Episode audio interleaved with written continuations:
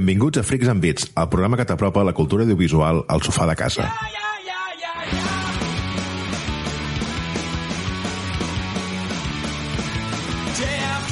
Avui, agafant-li el gustet a bombardejar-vos amb un colló de seccions per programa, som Pau Sabés, Bon dia! Néstor Sart, Una mica de llum a la foscor, bona tarda. Magí Berneda, Molt bona nit. Xavi PSX, Bona migdiada. jo sóc Pau Aguilar i això és Freaks and Beats.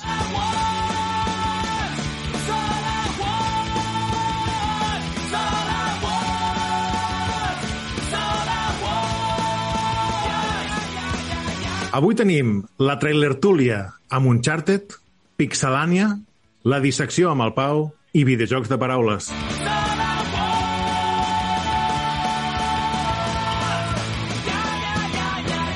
Bé, doncs aquesta setmana va haver-hi molt de hype gràcies a que va sortir un tràiler i si hi ha hagut tràiler nou això vol dir que toca tràiler Túlia.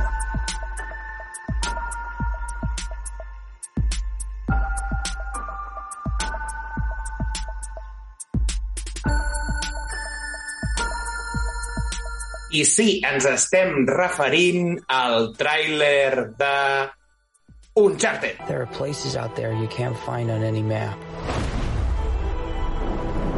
They're not gone. They're just lost.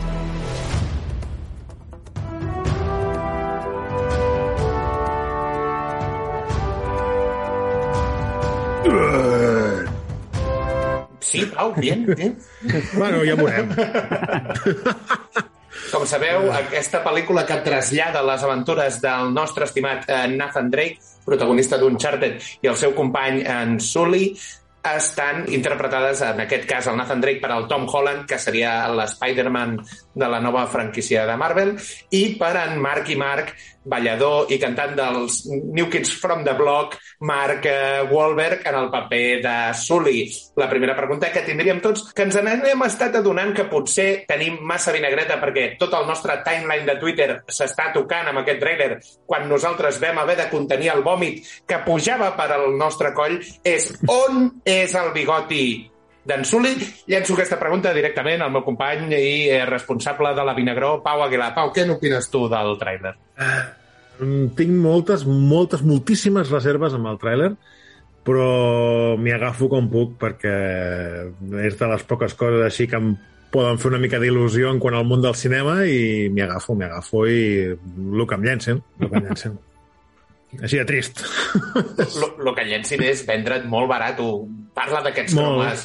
Aquests cromes, Sí. sí. aquella escena d'avió, que és cert, és cert que els videojocs de Nathan Drake tenen aquella gravetat a vegades autorregulable en Sí, però per això és un videojoc i no és una pel·li.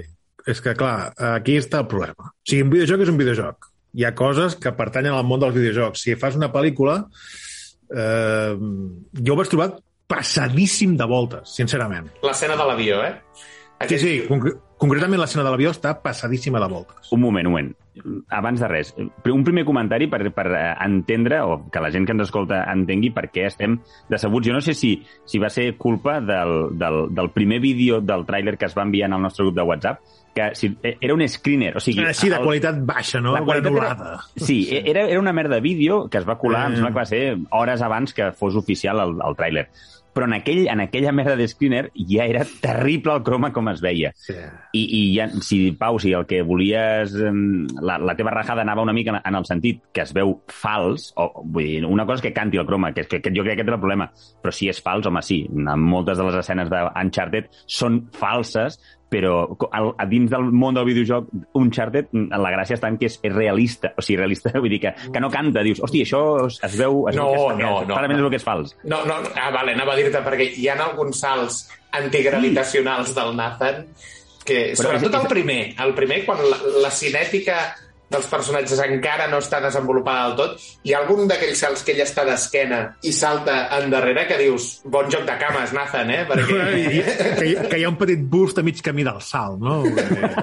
Clar. Doble salto, no?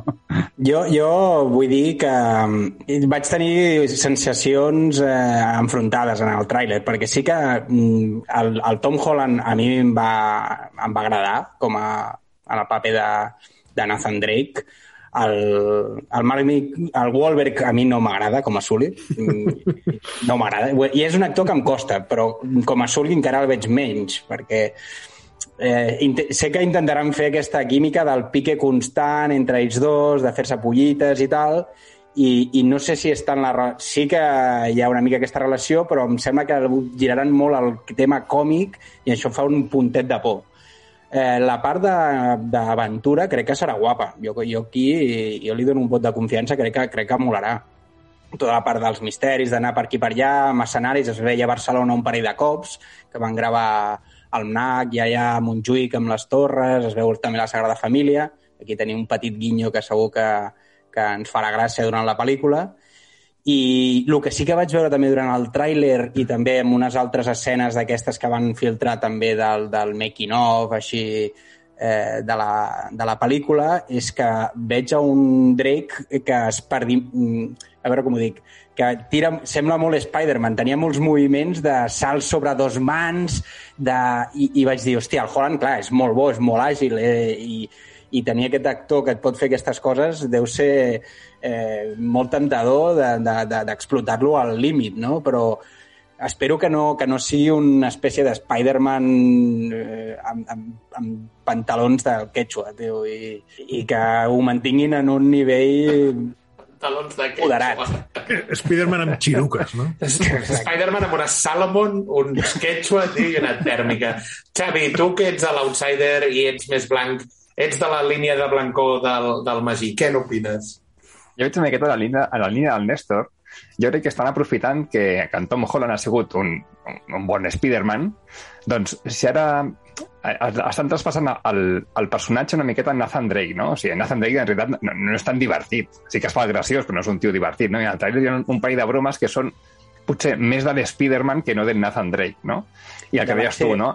La relació La- aquesta que tenien amb el- amb el- amb amb l'Iron Man, amb el, que també eren com de fer-se moltes pulles constantment i tal, crec Exacte. que ho han, ho han com traslladat molt a aquesta relació no? amb el Sully. I, Sí, llavors crec que la gent que vegi Tom Holland fent això se sentirà còmode perquè ja, ja l'ha vist abans, no? I, i, li, i li semblarà bé.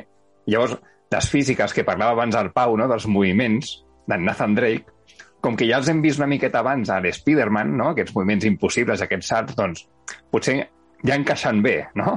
Llavors, doncs, doncs bueno, fem una miqueta de mix i pels que hagin jugat al videojoc ens ho passarem tot i els que no hagin jugat al videojoc en, els hi semblarà doncs, meravellós. Magí, tu què? Sensacions? Jo les sensacions, a part d'aquesta del, del, de la sensació de tristor i buidor quan vaig veure el croma, eh, la veritat és que sí, o sigui, hi ha una part... A veure, una mica també el que comentaves tu i el Xavi, la part aquesta de sentiments trobats, sobretot perquè, a veure, és la saga Uncharted és una saga que m'encanta que només que et posin la, la banda sonora ja de fons eh, ja comences a trampar i, i tu abans ho deies, Néstor, mm, a veure, s'han fet, o, bueno, o abans amb el Pau comentàvem també, s'han fet videojocs, de, o sigui, s'han fet pel·lícules basades en videojocs, de videojocs que no s'aguanten per enlloc, no, no de la qualitat com a videojocs, sinó de videojocs que no hi ha història. Llavors crec que eh, tenen la grandíssima oportunitat de fer un, una bona història i una bona pel·lícula basada en les històries de l'Uncharted, del, del Nathan Drake. Vull dir, que tenen molt, tenen molt fet. És que l'únic que han de fer és intentar Però és que copiar la- l'essència i, i s'ha de dir que en el trailer s'han vist escenes eh, que, que agafen, eh, són, són fotogrames que es veuen en el videojoc, la qual cosa això em va agradar, perquè jo si vaig a veure la pel·lícula vull tenir aquesta sensació. Sí, és que aquesta és la part que el salvaria. La, la, la, la, la gran màgia no d'una bona adaptació d'un videojoc a una pel·li és que t'hi puguis fer una bona pel·lícula i que tinguis els, les suficients picadetes d'ull al, a la, al videojoc original perquè puguis despertar també la nostàlgia no, de tots aquells que hi hagin jugat. Però si acabes fent una cosa que sembli un videojoc en format pel·lícula és quan queda una cosa, eh, un Frankenstein eh, raríssim, perquè Mhm. no és un videojoc i no és una bona pel·lícula. I llavors és quan tots aquests, totes aquestes adaptacions que s'han fet fins ara jo crec que pequen d'aquest d'aquesta- d'aquest d'aquest- d'aquest, eh, error, no? I tindrem també a, a Antonio Banderas com a català il·lustre, no? Perquè suposo que sur- sortirà quan, quan vagin a Barcelona, sortirà Antonio Banderas per allà Sí. fent les seves coses. Va dir, El Toni, Toni Banderas. Aquí, Toni Senyeres.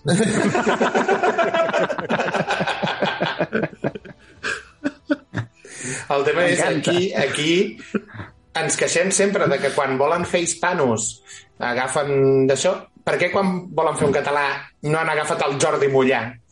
Què passa? Que ja té massa Sí, sí, accent també. cubano, tio, el Jordi Mollà, per fer de... Volien agafar el Joel Joan, però està una mica descantellat últimament. I... Oh, està amb els mariners de merda, tio. Supereu-me en felicitat. T'imagines dient-li això al Nathan Drake a la cara, tio? Pues seria un bon villano, eh? tio? Sí, és veritat, així. M'encantaria. A veure, a veure, a veure com surt. A veure, jo, les, les esperant... O sigui, com sempre, les expectatives són baixes en, en, en adaptacions de, de pel·lícules en de Sí. videojocs. Però crec que és, és, hi ha poques oportunitats més grans i més bones de, de fer una pel·lícula basada en un videojoc. I, I a més que, que tenen recorregut, perquè si els hi surt bé la jugada, no? tens un, un Nathan Drake jove, com és el Tom Holland, no? que pot tenir un recorregut llarg com a personatge, i que si, clar, si haguéssim agafat el Nathan Fillion, que a nosaltres ens agradava molt, d'aquell Oh. d'aquell fan que van fer sobre el videojoc, que, que, que, que, era, que era guapíssim, i que quadrava molt, no?, com a Nathan Drake, però clar, ja té una edat i el recorregut que tens és bastant més limitat. Després et tocaria fer eh, Indiana Jones octogenarios com ara i aquestes coses. Però aquell, aquell curt, aquell, el problema que té aquest curt del Nathan Drake amb el Nathan, eh, del, de l'Uncharted amb el Nathan Fillion, el problema que té és que el Sully està tan ben triat i el Nathan Drake estan tan ben triats que ara mires aquesta pel·li i dius ah, hagués pogut ser millor. Hagués Sí, pogut però ser és que del, del, del curt aquest, per, o sigui, concretament, et demostra que primer, o sigui, sí, el Nathan Fillion s'assembla moltíssim al, al, al, al Nathan Drake, però tu pots triar un Sully que no s'assembla gaire al Sully del videojoc i que, i que quedi molt bé com a Sully. En canvi, el Mark Wahlberg, sincerament... bueno, també dir-vos, el Mark Wahlberg acabarà amb bigoti a aquesta pel·lícula. Ja us ho avanço ara. Us faig un spoiler Sí, avançat de amb que aquell de- acabarà amb aquell de el Freddie sexual dels Mercury, 80, sí. Exacte. El, el de la furgoneta, la furgoneta amb gas, tio. Caramelos gratis, no? Néstor, però tu en quin sentit ho dius? Que li, li posaran encara que sigui en pospo o que al final hi haurà una no, pica de que ullet al final hi haurà un moment en què la, després de que el Wahlberg hagi anat tota la pel·li sense bigoti hi haurà un moment en què li fotran amb el bigoti o el, el postcrèdit o digue-li un Un, vulguis. un mustache gate, un mustache haurà- gate, com el de Sí. Superman, tio. Exacte. O, o farà broma, no? A l'escena final, allà, quan ja tot està resolt, va havent una, una copa de cafè, no? I clar, aquí... Oh, no! Sisplau, Això és, tio. ens prenen el pèl els seguidors radicals, tio, de... El que, el que pot ser és que fotin, el fotin un moment amb el bigoti, llavors el Drake li foti unes bromes de que sembla un pallasso i que no sé què, i llavors li treguin i ja està, i ja han fet el gag amb el bigoti, el Wahlberg no queda ben bigoti i fora. Eh, Una Aneu, cosa. no, no, no. Aneu a la no- no merda, porta bigoti. aneu a la merda a fer cunyetes. O sigui, dir-vos, però, dir-vos, però, que la Sofia Ali m'encanta com a Chloe Fraser, eh? Dels tres, per mi la que més ben És triada que està. físicament també s'assembla moltíssim. Sí. Eh, Doncs ja ho veurem. Fins aquí la trailer Tulia. I ara Pixelània, amb Magí Berneda i Xavi PSX. I'm not sure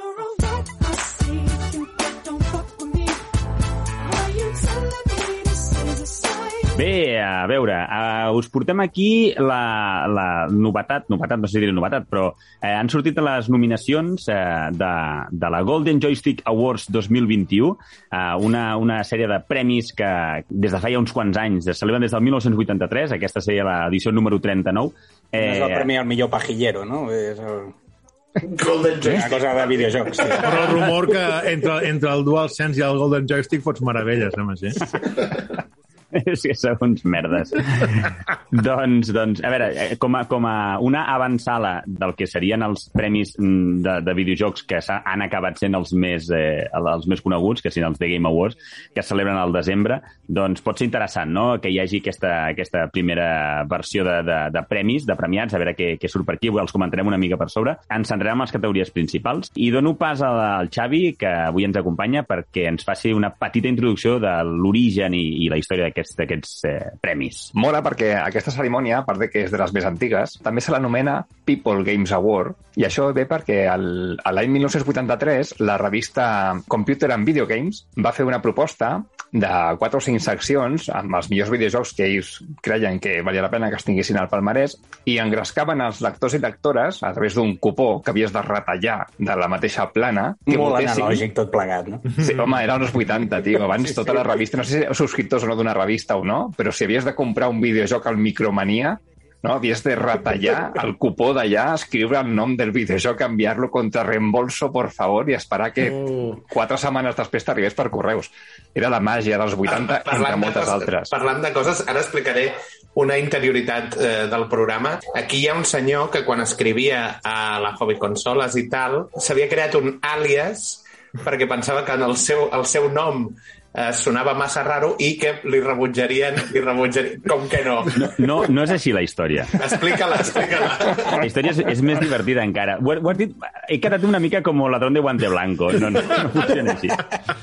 Clar, les cartes a les que he participat d'aquests concursos, jo mai vaig guanyar una puta merda i tinc la sospita que alguna vegada van triar el meu... Em vaig sortir jo com a, tri, com a seleccionat, però, però no, no, no hi havia collons. No, no sé si és per això. Magi, no. Magi Barnedes? No? Jo- Aquest segur que és un troll, tio, vull dir, que, el- era una el foto que sí- d'una sopa. El que, sí- el que sí que agraïa, agraïa molt perquè eh, tot per la participació eh, rebia cartes que jo sempre amb il·lusió de, hòstia, he, Gràcies per he, he guanyat... participar. Sí, sí, sí, era una miqueta això, eh? Et donaven potser algun flyer de, de, del videojoc de turno o alguna història així. El més divertit era que, clar, quan rebia la carta amb el, amb el, a, que anava a nom meu, havia rebut cartes a nom de Maci, amb, amb C, M-A-C-I, Berneda. Ma, Magú, Magú Berneda. Eh, i, i, bon, Magú, Mr. Magú. Mr. Magú, una, una llarga llista. Jo em sembla que van ser quatre, quatre o cinc noms diferents, eh? Ets el Chandler Bing, tio.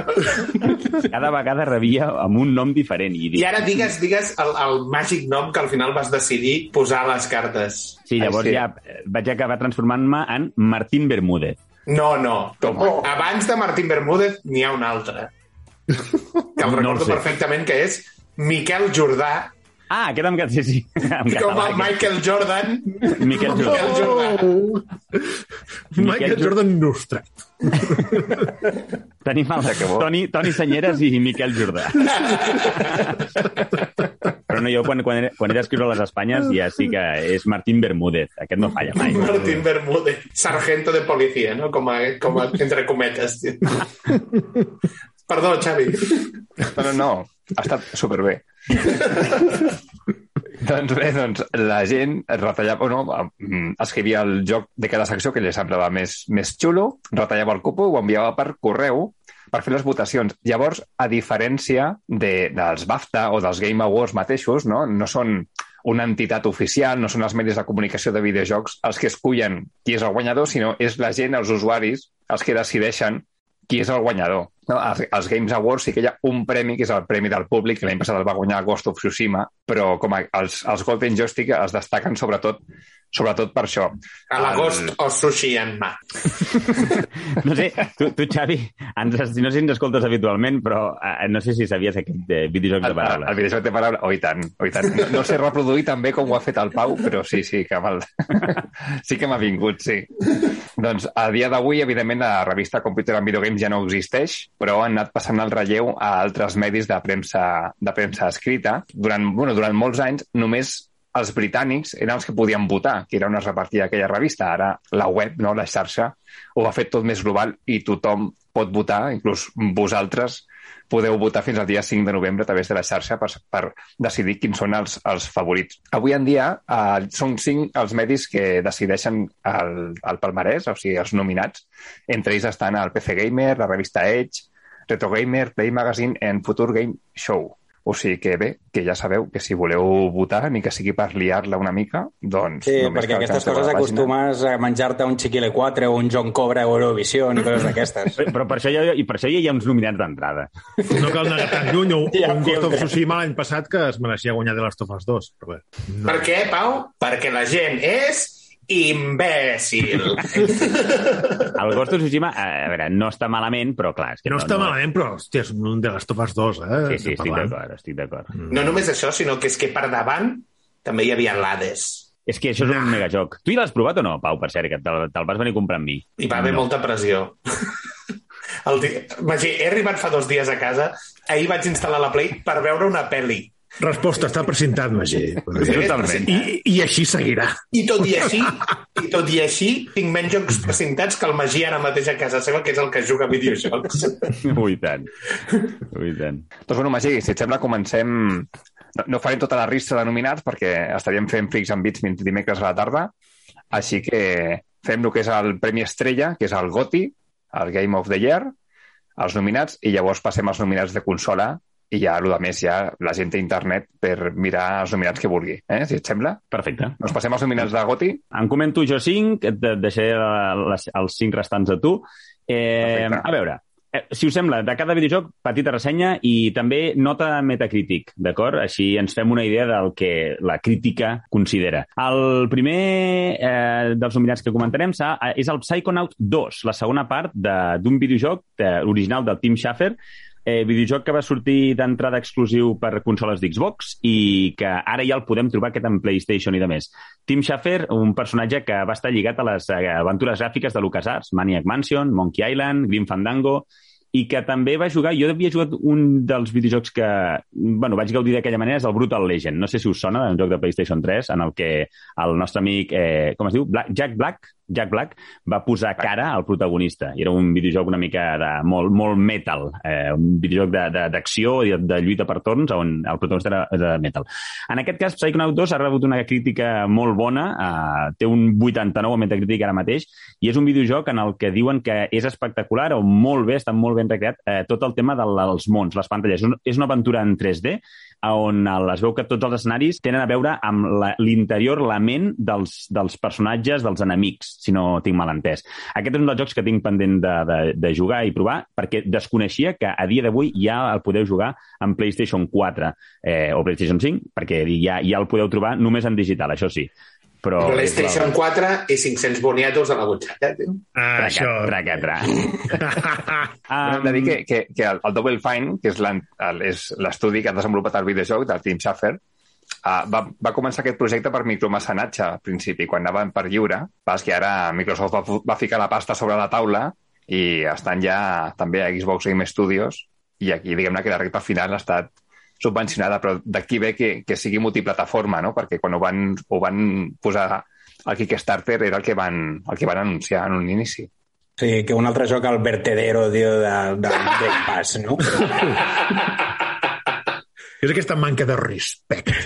Fa, em fa molta gràcia que devem ser les úniques persones que regem del Game Pass només pel fet de que hi ha massa jocs. hi ha massa jocs. Pots jugar massa No hi, ha, coses. no hi ha filtre, tio, aquí. Diògenes, com diu el Néstor. Tant de bo estigués per, per, per PlayStation. Això és el que vull escoltar. Val, el, segon, el segon nominat a, a GOTY eh, és el, el nostre conegut i ja analitzat aquí en el programa, el Ratchet and Clank, eh, una dimensió a parte. Hòstia, Eh, en sèrio, tio? Però, però si t'estic dient que és bon, un bon joc, tio, és que, és que, i, bueno, i per Play 5, nois, això, 500 moniatos ben invertits. Um, uh, té ara mateix un 88 a Metacritic, ja sabeu, amb aquest videojoc de plataformes i molta acció, molt dispar en, 3, en 3D, on realment és com estar veient una pel·lícula de, de Pixar o de DreamWorks. Re, ja, ja vam fer una anàlisi en profund. És, aquest sí que és un exclusiu de PlayStation eh, 5, així que, a veure, jo crec que el fet de ser exclusius en aquests casos, en aquest tipus de jocs GOTY, perd, perd, eh, perd tirada, i crec que el juga en contra, això. El tercer nominat, eh, Hitman 3, un dels primers jocs de nova generació, té un 87 a Metacritic i, ja sabeu, una, una saga de IO Interactive, que va ser comprat per Square Enix, avui dia és un producte exclusiu de IO Interactive, i és el, ja, eh, les històries del, de la Gente 47, on eh, tu ets un assassí i et, et plantegen unes situacions en el que tens un escenari que mm, en aquesta última, en aquesta tercera, tercera part són escenaris extremadament variats, des de discoteques a, a zones eh, industrials, escenaris força amplis on a tu, com a personatge, com a assassí, et deixen la llibertat de matar el, el teu objectiu de la manera que tu vulguis. I tens moltíssima, moltíssima llibertat. És un joc que d'aquests, quan parlen de la rejugabilitat, és dels jocs que diuen que té una rejugabilitat més alta perquè pots arribar a fer autèntiques filigranes per intentar matar l'objectiu. Un joc de- d'assassí, directament. El Jo, mira, tot. mira que la premissa de, dels Hitman m'encanta, realment, però el problema que tinc amb, amb aquest... No he jugat a cap, a cap de la saga, m'encantaria m'encantaria pro, m'encantaria provar-los, però mai he vist allò unes crítiques que diguis no, no, hòstia, aquest Hitman brutalíssim, fantàstic, no, o sigui, és una premissa collonuda, però després a l'hora de l'execució sembla que no facin un joc allò de puta mare. O sigui, fan un joc que està bé, però mm, no acaben de... I, jo crec, Pau, eh, que en aquest cas, en el, aquesta tercera part, és un joc que precisament amb el que, per com et conec, crec que és un molt bon joc per tu. Perquè jo, per exemple, aquest, a mi, jo no l'he no, no, no jugat, no me l'he comprat, sobretot perquè és un joc en el que diuen que és molt, molt... O sigui, realment el gaudeixes molt quan entens moltes, totes les mecàniques i et proposes intentar acabar de diverses maneres. No no és el típic joc que té una història i que, i que jugues la història, et vas passant els nivells o les pantalles i, i, i hi ha una història de fons que té el pes i que és el que et motiva a jugar, sinó que és aquests jocs que amb les eines que et dona, una mica sandbox, que, que d'acord que no és un món obert, perquè el món obert, diguéssim, són les pantalles i sí que són força amples, però no és un món, no és un GTA, però que tens molta, molta llibertat. I diuen que aquesta tercera part eh, et dona gairebé tots els ingredients eh, i molts més dels que havies vist en anteriors entregues. Jo crec que aquest, si això busques aquesta bona crítica, home, Sí, 87, sí, sí. 87 a Metacritic, jo crec que és, sí, sí. és molt, molt bona, molt bona Quan, puntuació, quan el vaja. trobi per, per 2,50, Magí... És que- per menú de McDonald's, tio, eh? Um, passem, passem al quart eh, dels, que, dels que comento jo. Uh, It Takes Two. Ja sabeu, aquest també us l'he comentat, eh, Els us el divorciats. comentar molt, el joc dels divorciats, com dius tu. Per mi, una, una autèntica sorpresa de joc, i ja sabeu que és un videojoc que és exclusivament de joc cooperatiu.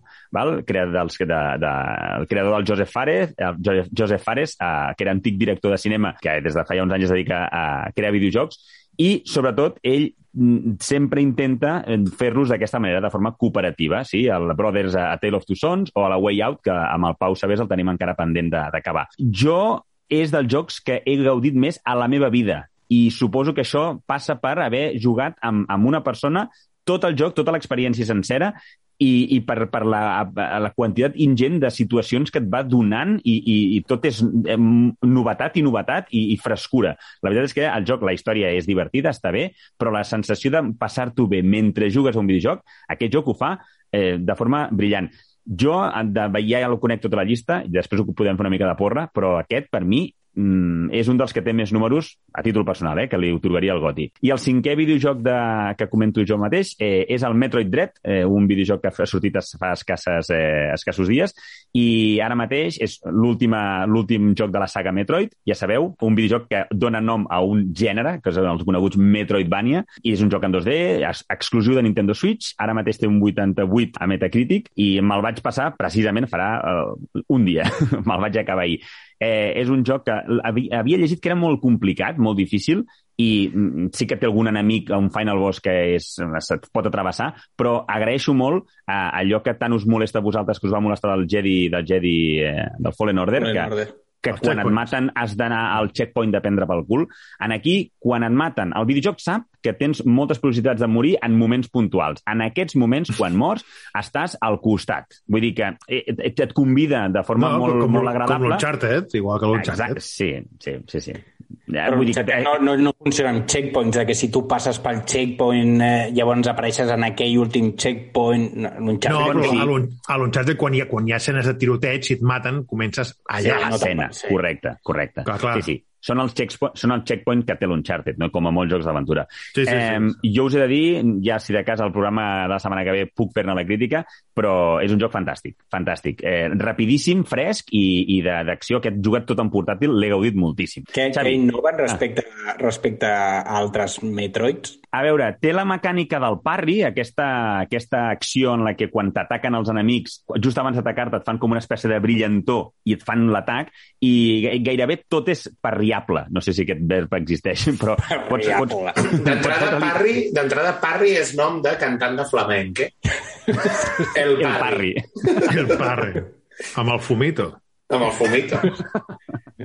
Doncs eh, la idea és això. Eh, I que el, pots, i el Melasuda 51. Canviar les coses, sí. pots, pots bloquejar els atacs dels enemics i si fas el bloqueig al parry correctament, només apretant el botó de dispar una vegada just després del parry, els mates. Amb la qual cosa, enemics que els hi podies estar fotent doncs, molts trets, te'ls pots pelar molt ràpidament. Això, d'aquesta el Castlevania, el Lord of Shadows, era vital. Era vital amb els Final Bosses. Aquesta mecànica està molt bé. I l'altra novetat forta que té el, aquesta saga, aquest títol, el Metroid Dread, és que hi ha una sèrie d'enemics, són, en són set en tot el joc, que s'anomenen eh, emis, però que són una espècie de robots que t'expliquen ja a l'inici del joc per què estan allà, i són uns robots que et persegueixen, una mica amb la idea aquesta del Mr. X del Resident Evil, que et va seguint, però la part guapa, que això també s'agraeix molt, és que no et segueixen per tot el puto mapa. És a dir, hi ha una zo tu entres en zones que, que t'avisa que és una zona on hi ha un emi.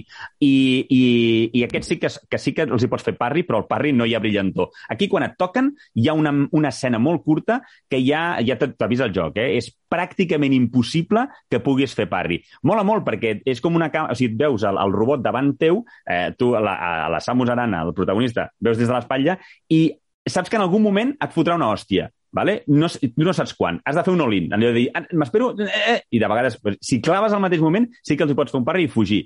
I són uns enemics en els que, fins que no trobes el poder, diguéssim, especial per poder-los matar, has de fugir, fugir, fugir, fugir, fugir.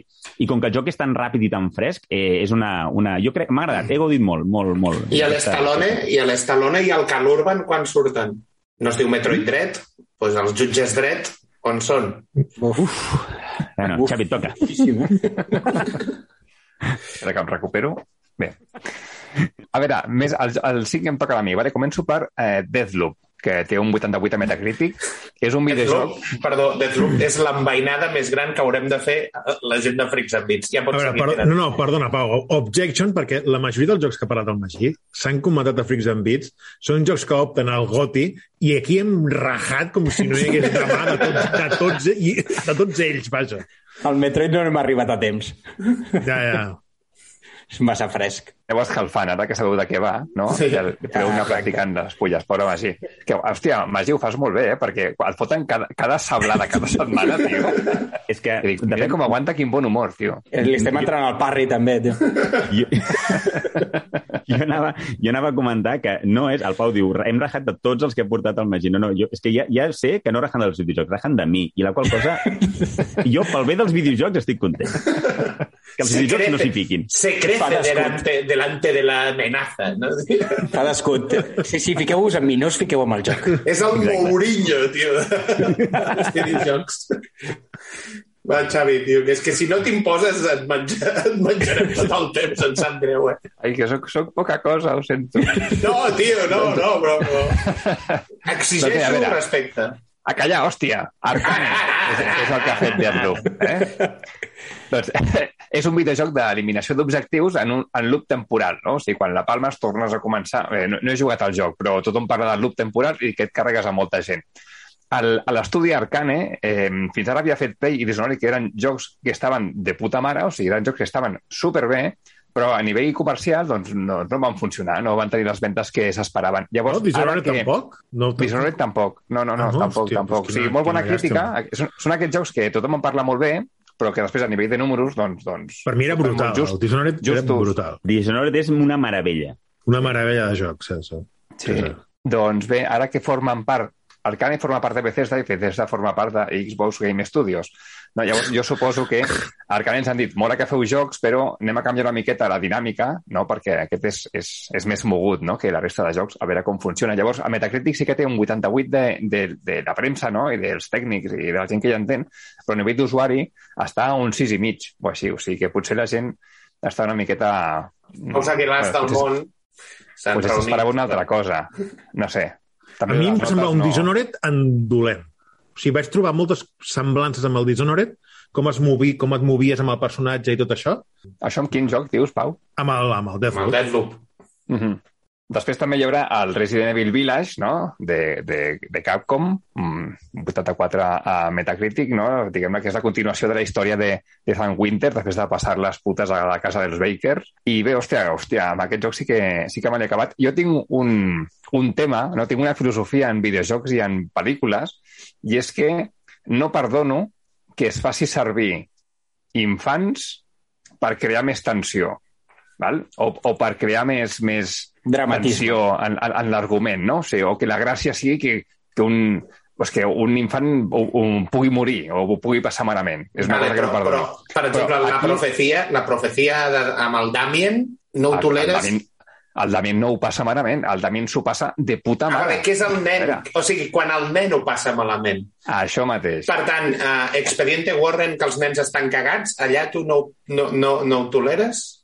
Bueno, però no és l'objectiu que estiguin cagats els nens, no? Jo, Vale, amb aquells, vale. tant els hi fa que siguin uns Que hi hagi algú que altres, faci no? passar a un nen malament com a objectiu de fer passar el nen malament. Exacte, i que sigui Vale. explícit. Vale? Vale. Però aquí a Resident Evil Village passa alguna cosa, no?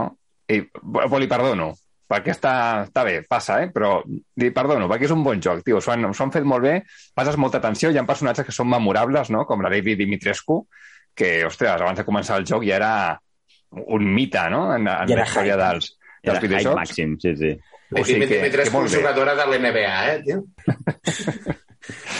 Un altre videojoc, aquest, eh, em xoca com a jugador de, de consola, val? que és el, el Wilder Myth. És un joc que té un 87 a Metacritic, està fet per World Waker Games, i, i aquí és el típic joc indie que els, jocs de, els jugadors de consola no el coneixem de res, però després s'emporta els premis de tot el que ha estat nominat, no? perquè és és l'hòstia. Jo he estat mirant a, Steam no? i té com 7.800 eh, referències extremadament positives. I dic, hòstia, doncs a veure, de, de, de què va el joc? El joc és un joc de un, un RPG, és un joc de rol per torns, en escenaris de caselles. Sabeu que l'escenari es reparteix com si fos un taulell d'escacs, Mm. no? en quadradets, i tu vas movent segons les opcions, les opcions que tens.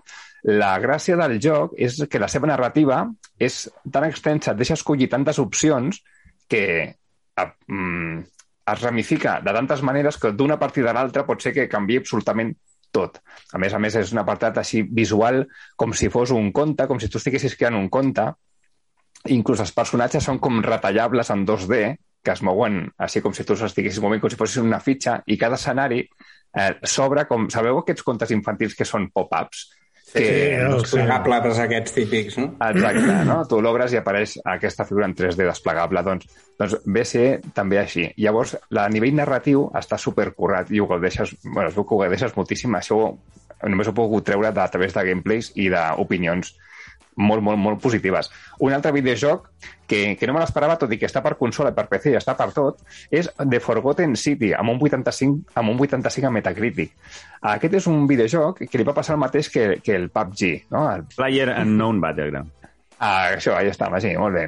Doncs és un mod d'un altre joc, no? Si el PUBG era un mod d'Arma 2, doncs aquest és un mod de Skyrim, en el que una persona de l'època contemporània entra a una expedició, a, a, troba un portal i el traspassa a l'època de l'imperi romà. I allà està passant alguna cosa que eh, es trenca la norma d'or, que ells li diuen, i tu has de descobrir a través d'exploració i xerrar amb moltíssima gent i fer diferents, diferents proves què és el que ha passat i qui és la persona que està a punt de liar la parda perquè trencar la norma d'or significa condemnar a la humanitat. Aquí, una de les coses que destaca del videojoc és que si tu la lies parda i desencadenes al final de la humanitat abans d'hora, pots anar corrents al portal que t'ha portat aquí i en comptes de dur-te a l'època contemporània, fas un loop temporal i tornes a començar des de l'inici del joc a nivell temporal, però sapiguent tot el que has après fins ara. Uh, Que, o sigui que s'està posant molt de moda el tema dels loops temporals, no? Ja ho sí, el sí, sí, Loop. sí. A- Aquest estil de jocs també passa molt amb un joc que es diu L'11 12 seconds, minuts. no? O 12 minuts, això. Sí. 12 minuts. I bé, també, Havia també set molt bastant més ràpid. Eh? 11 seconds. Bitch! Tet, bitch! Aquest documentari veu que s'han dut unes rajades bastant xungues també al 12 seconds, al 12 minuts aquest, eh? Doncs, doncs ja de tot, jo els 12 minuts hi he jugat i m'ha agradat molt, sobretot perquè la mecànica... Perquè no hi ha Eh, nens. va... no, no, però... Hi ha nens torturats. Punt número 1. I punt número 2, perquè la mecànica, si vens de jugar aventures gràfiques, és molt engrescador. Ara, clar, si tu ets una miqueta més d'acció, pues, doncs igual sí que acabes dels nervis, no? Perquè de quan t'encalles i no saps per on tirar, eh, és per fotre't un tret.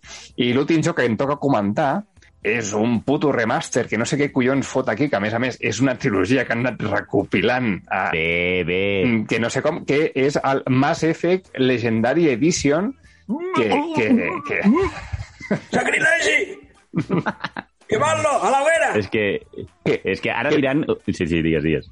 Que teniu fins al dia 5 de novembre per votar-lo. Com a mínim que tingui 3 vots. Eh? Oh, oh, oh, oh! La llum, deia el, deia el Pau, que el Xavi era la llum. és una ratota de les bones. Hòstia. Enemy Within, tio. Tot i que sigui el millor joc, la millor trilogia del món dels videojocs, eh, estic, estic bastant cansat dels regurgitats ja de videojocs. Jo entenc que no se'l Igual que de les pel·lícules. No, O sigui, però jo, jo entenc, jo entenc que no guanyarà perquè com que tens un síndrome de Stendhal en el moment en què el poses i no pots avançar en el joc, la gent no veu com evoluciona perquè està tenint ejaculacions constants i pateixen deshidratació. Per això eh, no guanyarà. Però, És, però és got immediat. Ha Mass Effect. El 2021, no? És que és Pues clar, tio, vull dir, Ja ho va ser. 2021 i 2031, tio. Goti sempre, tio. Gothic Forever. Coti, sí. Sí, tio. Molt bé, gràcies, Magí Xavi, per la pixelània. I ara la dissecció amb Pau Sabés.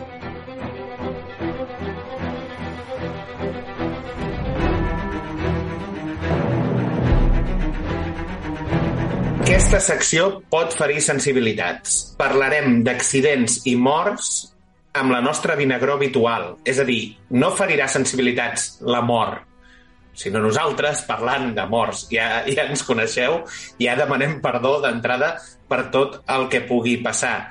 Tenia una secció preparada sobre True Crime, però la tràgica mort de la directora de fotografia Alina Hutchins, de 42 anys, durant el rodatge de la pel·lícula Rust per culpa d'una pistola que va disparar l'Alec Baldwin i que també va ferir el director Joel Souza, ens ha dut a parlar dels accidents durant la realització de pel·lícules. Si l'Alec Baldwin no assassina ningú més durant aquesta setmana, la primera setmana per, prometo parlar de true crimes i de crims. No sé, això quan comences ja... Li ha agafat, li ha agafat el gustet. Aleshores, el que faré serà... eh, He recopilat diversos accidents sonats, coneguts i no coneguts, per eh, parlar una miqueta d'aquests morts i accidents tràgics que hi ha hagut en el món de les pel·lícules. N'hi ha molt conegudes, com la del Brandon Lee, i de no tantes. I avui, l'equip de Freaks and Beats posarà llum a la foscor.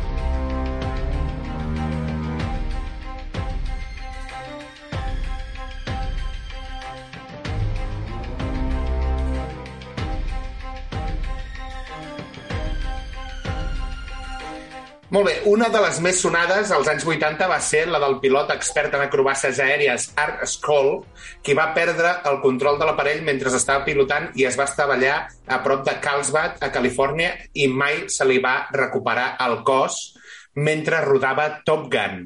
Era un dels que feia la, les escenes perilloses, l'avió se li va, li va entrar en barrena i va acabar al mig del mar i no van poder recuperar el seu Jo el que, cos. lo, lo que trobo heavy és que a la, la nova que hem fet de Top Gun eh, de Tom Cruise, que encara no s'ha dit, la de Maverick, tots els actors estaven dins dels avions quan estaven fent totes les maniobres aquestes eh, perilloses perquè el Tom Cruise havia dit no, no, vu- vull que les sensacions Vull i les cares de cares terror, dels tios no? De terror real. siguin reals, de les gest així deformant-li la cara, vull dir, les vull reals. O sigui, tots els, els, els, els actors aniran dins de l'avió també. Però I- el cabron no pot arrossegar la gent al seu món. Pues clar que pot, és el Tom Cruise, tio. Però si estava en la cienciologia, això ja Pues, és, és... és... Els obliga a fer els estudis i a sobre els converteix a la cienciologia a tots.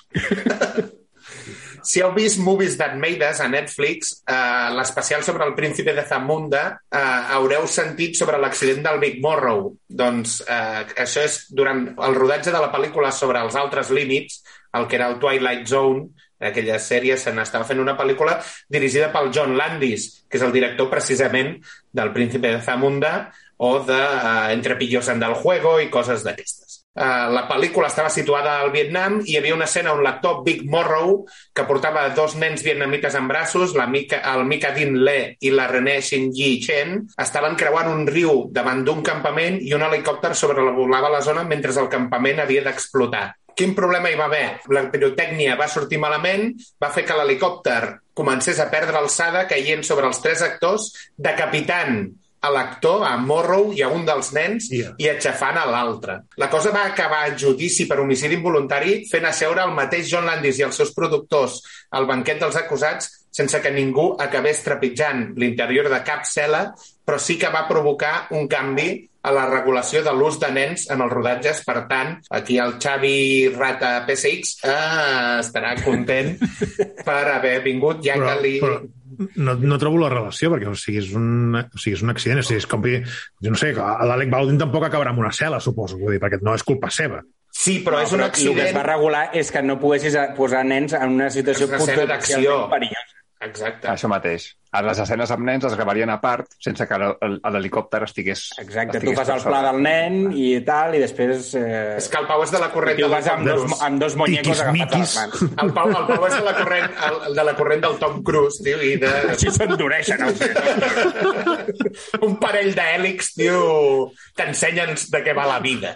Un dels accidents més tràgics que s'ha produït mai durant un rodatge és durant la pel·lícula El missatger, la del director Sergei Bodrov, no la de Kevin Costner, que és una tragèdia en si mateix, la pel·lícula, sinó la de, la de la Sergei Bodrov, que és que durant el, el rodatge a les muntanyes Camadon, al nord d'Ossètia, hi va haver un despreniment de gel i roques i tot l'equip de producció va morir, 27 persones en total. I molts dels hòstia. quals no en van recuperar els cossos. Els, espe els especialistes també han sucat. La seva professió és d'alt risc i els accidents poden resultar molt greus. Durant el rodatge, per exemple, del Cavallero Oscuro, el tècnic d'efectes especials Conway Wilcliffe va morir durant una escena de persecució i el Nolan dedica la pel·lícula no només a Ledger, sinó a Wilcliffe. A, Això per què no se sap? Perquè no és Vox Populi, això, tio. Si això és greu, exacte. tio. Sí. Sí, Jo això no ho sabia, tio. El Cavallero Oscuro, a més, és superproducció. O sigui. sí, sí, doncs te'n sorprendràs de... Posen el titulet aquell al final, sí. Memòria. Memòria, tal. No, ja, No, no, ara et sorprendràs perquè em porto diverses d'aquestes. Deadpool 2. Deadpool 2, de l'any 2017, l'especialista Joy S.J. Harris, que havia sigut la primera dona afroamericana en competir en circuits de moto professional, va morir durant, un roda durant el rodatge on havia de creuar amb un salt una rampa, entrar per la porta d'un edifici, baixar per una rampa i quedar-se en el replà. Quan ella arrenca, directament xoca amb la vorera, surt disparada i s'estavella contra un grup de vidres i es mor. O sigui, m'estàs dient que havia de fer com, com, com, la, com la Carrie Ann Moss a la primera pel·li de Matrix, però amb una moto? Més o menys. Jesus. Collons. Harry Potter i les relíquies de la mort és un altre. Hi ha morts a Harry Potter? David Holmes, que és l'encarregat de doblar a Daniel Radcliffe en les escenes de risc, en un salt contra una paret va caure malament i es va lesionar greument l'esquena quedant-se tetraplègic. Sí, que aquesta, a més, aquesta sí que ha sigut bastant coneguda perquè els actors han fet diverses, diverses obres benèfiques sí. i campanyes per, per, eh, per, per, per donar-li suport. fo- fondos i coses així. Sí, sí, sí. El britànic Joe Watts, doble de l'actor Vin Diesel a Fast and Furious la saga, va quedar en coma després de caure des de 9 metres durant el rodatge de la novena entrega de la pel·lícula als estudis de Warner Bros. a Jetfordshire. I en aquest cas el problema va ser que els cables que l'estaven subjectant durant el salt, havia de saltar des d'un balcó, van fallar i no van, no van poder evitar que caigués a terra, lesionant-se també eh, greument. Resacón en Tailàndia, durant, sí, sí, durant l'escena de la persecució, un dels especialistes va patir danys cerebrals greus en la, gravant aquesta escena. La pel·lícula Silencio, de Martin Scorsese, eh, durant un rodatge estaven muntant l'escenari, se'ls hi va caure l'endami i va morir el constructor de decorats i tres treballadors. O a Mercenaris 2, un especialista i un extra van quedar ferits degut a una explosió. L'especialista va morir, l'extra va quedar ferit degut a una explosió accidental. O sigui que, de tot això... segueix n'hi ha- sent una mica més, el que morirà d'un infart és a l'Estalone, eh? per això. perquè el co- combinat de Botox més... Eh... Bueno, de fet, el, el, diria que era l'Estalone a la primera de Mercenarios, que es fotia de pinyes contra... Ara no recordo si era... Con... Ara és no recordo contra qui Couture, era. no? Ah, no, el Couture no és, no és, és un No, no, no, era contra un altre. Però que, que es va trencar un parell de costelles i perquè l'estampava, em sembla, contra, alguna, contra una paret o una cosa d'aquestes així, i clar, el tio ja està grandet. I, i va acabar amb dos costelles trencades i va tenir que acabar, seguir el rodatge de la peli amb costelles trencades i un parell de, de, de lesions Sabeu, bèsties. sa, sa, bueno, sabeu qui, qui va pillar Cacho? I ho vam parlar, el Daniel Craig. Daniel, Daniel Craig, Craig també. va pillar bastant. De fet, té dues dents postisses degut a Casino Royale i després em sembla que un peu trencat degut a Ah. Skyfall o Sí, a... sí, sí. No, no, diria la- que era Quantum of Solace. Quantum. Eh, però era la primera pel·lícula seva que, que a mi em sona que, que, que, que s'estrenava com a James Bond i que va ser tenir molt mala sort, que es va inclús cremar de, per alguna escena que van estar rodant al sol, patar tot, hòsties... Eh, Bueno, que, que vau dir que, que, James que, Bond havia, cremant havia, paletes seria molt bo, eh? Vist a la pel·li. que era perquè havia insistit en fer, en, fer, en fer ell les escenes de- de- d'acció. No, això és a, a Quantum, a Quantum, com que es sorprenen de l'èxit que té, el que fan és eh, a, a començar a gravar Quantum eh, mal preparats, ell Sense ha de guió. gravar, sí, sense guió, amb, amb poc equip, i ell ha de preparar les escenes d'acció perquè no tenen dobles i acaba pillant. I això és eh, negligències d'aquest tipus, saps? És que es veu que l'incident pel qual estem parlant avui d'això, que és lo de, de l'Alec Baldwin, es veu que el mateix dia que va passar això va haver-hi penya que havia pillat per les condicions de merda que es veu que hi havia en aquell rodatge. O sigui, que estava, era Can 60, allò, vaja. Bueno, ara entro a la, al tema armes de foc, vale? Vale. que aquí m'he posat en contacte amb un Un senyor que... especialista en armes de foc? Sí, sí, sí, sí. Fantàstic. En el món del cinema. bé. En el món del cinema. En el món del No has cinema. escatimat recursos. No, no, de debò, no puc, dir, no puc dir el seu nom perquè no m'ho permet, però li vaig preguntar sobre el tema del Baldwin, sobre el tema del Brandon Lee, totes aquestes històries, m'ha estat explicant certes coses. D'entrada, us explico una anècdota, que aquesta no té res a veure amb això, però és l'actor John Eric Exum, eh, que tenia 26 anys durant el rodatge de la sèrie Cover Up, que aquí es deia Camuflaje. El rodatge va patir un retras, ell portava una pistola amb, amb bales de foguets, i fent la conya i tal, va fer veure que jugava a la ruleta russa. Es va posar la pistola al cap, va disparar. Quin problema hi ha? Les bales de, fogue de foguets, tot i que no tinguin vaina, tenen una explosió. El tio es va posar l'arma massa a prop, enfonsant-se el crani, provocant-se una hemorràgia interna i morint a l'acte. O sigui, les armes no són poca conya.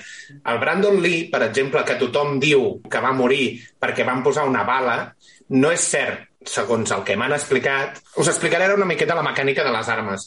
Vosaltres sabeu que quan les armes són el single action, que és un sol tret, tu dispares, la bala surt i tots els gasos de la bala de l'explosió serveixen per projectar la bala. Quan les armes passen a ser automàtiques, part d'aquests gasos s'utilitzen per fer que la vaina salti i pugi una segona bala en la corredera. Quan I es tu carregui automàticament l'arma. l'arma. Quan tu no tens una, una bala dins de la vaina, aquests gasos es dissipen. Per tant, si tu estàs utilitzant un prop, una arma de, de mentida, quan tu dispares, si no hi ha bala, no hi ha moviment de l'arma corredera endarrere. D'acord? Què passa? Ells utilitzen el que s'anomena un obturador. Un obturador és una peça rodona amb un forat, és un donut county, vale? perquè ens entenguem, que va en el canó de l'arma que provoca que els gasos quedin retinguts i sí facin aquest retrocés, aquest retrocés i s'escapi una mica de, de flama. Aquest, aquestes peces poden anar soldades o cargolades. En el cas del Brandon Lee, és una cadena d'errors, perquè aquest obturador que té un forat es va obturar per una esquirla Obturat. obturador, obturat i aleshores l'explosió provoca la saltada de la peça que és el que mata el Brandon Lee. Per això moltes vegades llegireu que li havien disparat amb una pistola del calibre 44, però en realitat era una bala del 10 i no sé què. No és una bala del 10, és l'obturador que És salta. quasi una, és quasi una mort de, de, de destino final, eh, això, tio. Sí, sí, Sí, sí, sí. sí, sí. I en el cas, i aquí és on ara vull posar foscor a la llum, en el cas de Rust, de la pel·lícula de l'Alec Baldwin, estan disparant single action, és a dir, estan disparant pistoles que no requereixen aquest obturador perquè són revòlvers. I en el cas dels revòlvers, les bales de foguets no tenen bala, no et fa falta, perquè no necessites el recoil, no necessites sí, que sí. tiri endarrere l'arma. Aleshores, aquí hi ha tres cagades. Una, quan un actor dispara a càmera, no hi ha mai ningú darrere càmera. Per tant, això és una cagada. Dos, que hi hagués un projectil vol dir que algú va fotre un projectil en aquella bala. I aquí és on hi ha la conspiració. Qui va fotre el projectil en aquella bala? No, no, i a més a més es veu que, que aquella arma li van, li van dir textualment al Baldwin no, no, està correcta per, per ser disparada. O sigui, que imagina't. Vaja. Una pregunta que desconec en- d'aquesta situació del, de l'Alec Baldwin. L'accident o el, el tret de la bala real eh, succeeix en, en, en el moment, eh, diguéssim, de la filmació, una, en, una, en una presa, una presa en, en, Sí, en, en, sí, això gravant no escena, eh? No és un... No, és que no, ho dic Han perquè no rodat fotent tiros així... No, No, però si fos, si fos una escena, hagués, hagués disparat contra, una, contra un actor, entenc, no contra la Clar, és directora que és això que no em fotografia. quadra. Exacte, exacte. Han que corregut- quadra. han sí. corregut- O és, que era un, o, és que, o és que és un imbècil que va, va, simulant disparar la gent pel set, que O que, no se li, sé si... o que, no, o que se li disparés, o que se li disparés, o sigui, que no fos algú conscient, que la però ja portés és a la mal, mà... que se't dispari just... O sigui, bueno, no sé. Sí, però per això- passar, però, eh, però, que, vull dir, si està rodant una escena en què el tio està fotent tres i no està apuntant a l'actor, vull dir, no és un, no és un, Clar. No, no és un shooter, el tio, vull dir, llavors tu dispares i, i di- dispares al bulb. Sí. No ho sabrem. També és mala sort disparar i just que tinguessis davant la, a la directora de fotografia, saps? Vull dir. I que amb un La- tret et carreguessis la directora de fotografia i, i, i ferissis el director. Amb un No, sol la, meva pregunta, la meva pregunta era tan sols per si se sabia aquesta informació. No, no, no sé si ho no- sabrem. I- Ja, havia, jo, havia llegit, jo havia llegit que es deia que estava bromejant, que també dius bromejar amb l'arma és molt yanqui, tot i que ell és, ni- can, ni- és Ni canadenc. amb, una, ni amb una arma de fogueig, tio. No fots broma d'així apuntant a la gent, tio. No sé, tio. A mi el que també em sombra una mica és que no hi hagi, en totes aquestes armes que entren en un set, hi ha mecanismes perquè ni que hi hagi una bala real allà dins no surti res pel canó. El que em deia, el que em deia la persona amb la que, bueno, que em vaig posar en contacte perquè m'expliqués tot això, ell m'explica Senyor que... X. Senyor X, diguem-li, Mr. X, m'explicava que Mr. és- Weapon. l'arma va del tio que la prepara a l'actor i torna, vale? és a dir, que mm, el mecanisme és aquest.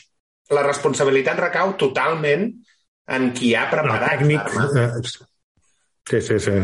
Sí, sí. Eh, Aleshores, si passa com el Michael Mann, que vols más realismo i li fots extra de pólvora a les bales perquè l'escena de hit del tiroteig tot Los Angeles cregui que, que s'està quedant sorda per, per d'això, pues, clar, necessites penya molt, molt, bastant molt a sobre.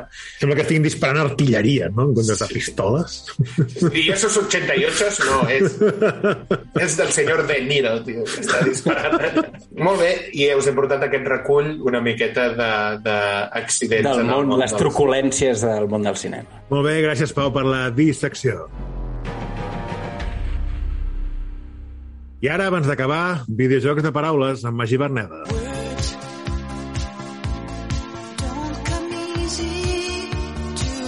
Què, Magí, quin, quin minion has fet? servir? Entre, entre el Xavi i els minions, macho, eh, t'haurem de... eh, és, és un agent, el Magí, en realitat. L'he l'he sentit, sí, sí, l'he sentit roncar fins i tot algun tros del programa, tio. Entre... Oh. Entre el Xavi i els Minions, el programa tira endavant, això és el que vull dir, val?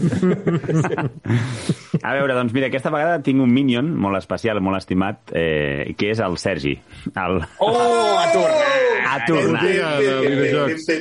El, el meu venedor preferit de videojocs, que, que, que li vaig haver de recordar, dic, escolta, Sergi, eh, que ja, ja portem... tenim- tens una que feina que fotre. Que portem, Què hay de lo mío? que portem uns quants programes de Freaks and Beats i, hosti, és que és veritat, és veritat. Estic molt pillat, tinc, tinc quatre feines. no, ara, ara, ara m'hi poso, tio. Ho vull demà a la meva taula. No, jo li comentava perquè, perquè no ens estava escoltant, perquè se li havia passat que té moltes coses, però no li demanava. Però en el mateix moment que li vaig dir, li vaig, li vaig llegir el de la, a, a, Agost o Sushi en mà i, i es va picar. Diu, és que me caliento, me caliento, i, i me'n va dir un al moment. O sigui, respect màxim, i és el que us porto avui. Avui no em porto jo, ja que aquest li dedico a, li a Sergi. Diu, s'obre el taló i es veu una colla d'amics que s'estan preparant pel finde. Acte seguit, apareixen disfressats de Bugs Bunny, Diablo de Tasmania, el Correcaminos, eh, el Porky, i tots aquests. Tanca el taló. Nom del videojoc? És Platoon. És Platoon. Fins i tot, fins i tot fent aquest jamming, tio, et pinta la cara. Creia que anaves a, a parlar sobre el doblatge, doblatge lamentable o alguna així. Ah. Tu Space Jam. Ah. Doncs res, bé, bé, bé. Jo crec que per, per fer-lo així... Sí, sí, bé, ben tornat, el, ben tornat. El Sí. sobrevot em va... A em la va teva agradar. secció. M'agrada, m'agrada. La meva secció, sí, cabron. Grande, eh? Molt bé, gràcies, Magí. Fins aquí el programa d'avui. Gràcies, Pau Sabés. Gràcies i bon dia. Néstor Sart. Gràcies, bona tarda. Magí Berneda. Gràcies i bona nit. Xavi PSX. Mass Effect m'agrada però per, fer tu, per tocar el que no sona. Tranquil, tranquil. Ja ho arreglarem, ja ho arreglarem. Venir al cantó fosc és fàcil. El, el odio lleva al lado oscuro. Eh, Xavi, bé, bé, bé. I un servidor, Pau Aguilar, us recordo que ens podeu escoltar a Ràdio Sant Quirze els dimarts a les 10 de la nit, a Iscla 359 els dijous a les 10 de la nit, a plataformes digitals com iVox, Podimo o iTunes, i també les altres xarxes socials, a arroba FreaksBeats, tant a Twitter com a Instagram. Gràcies. Day after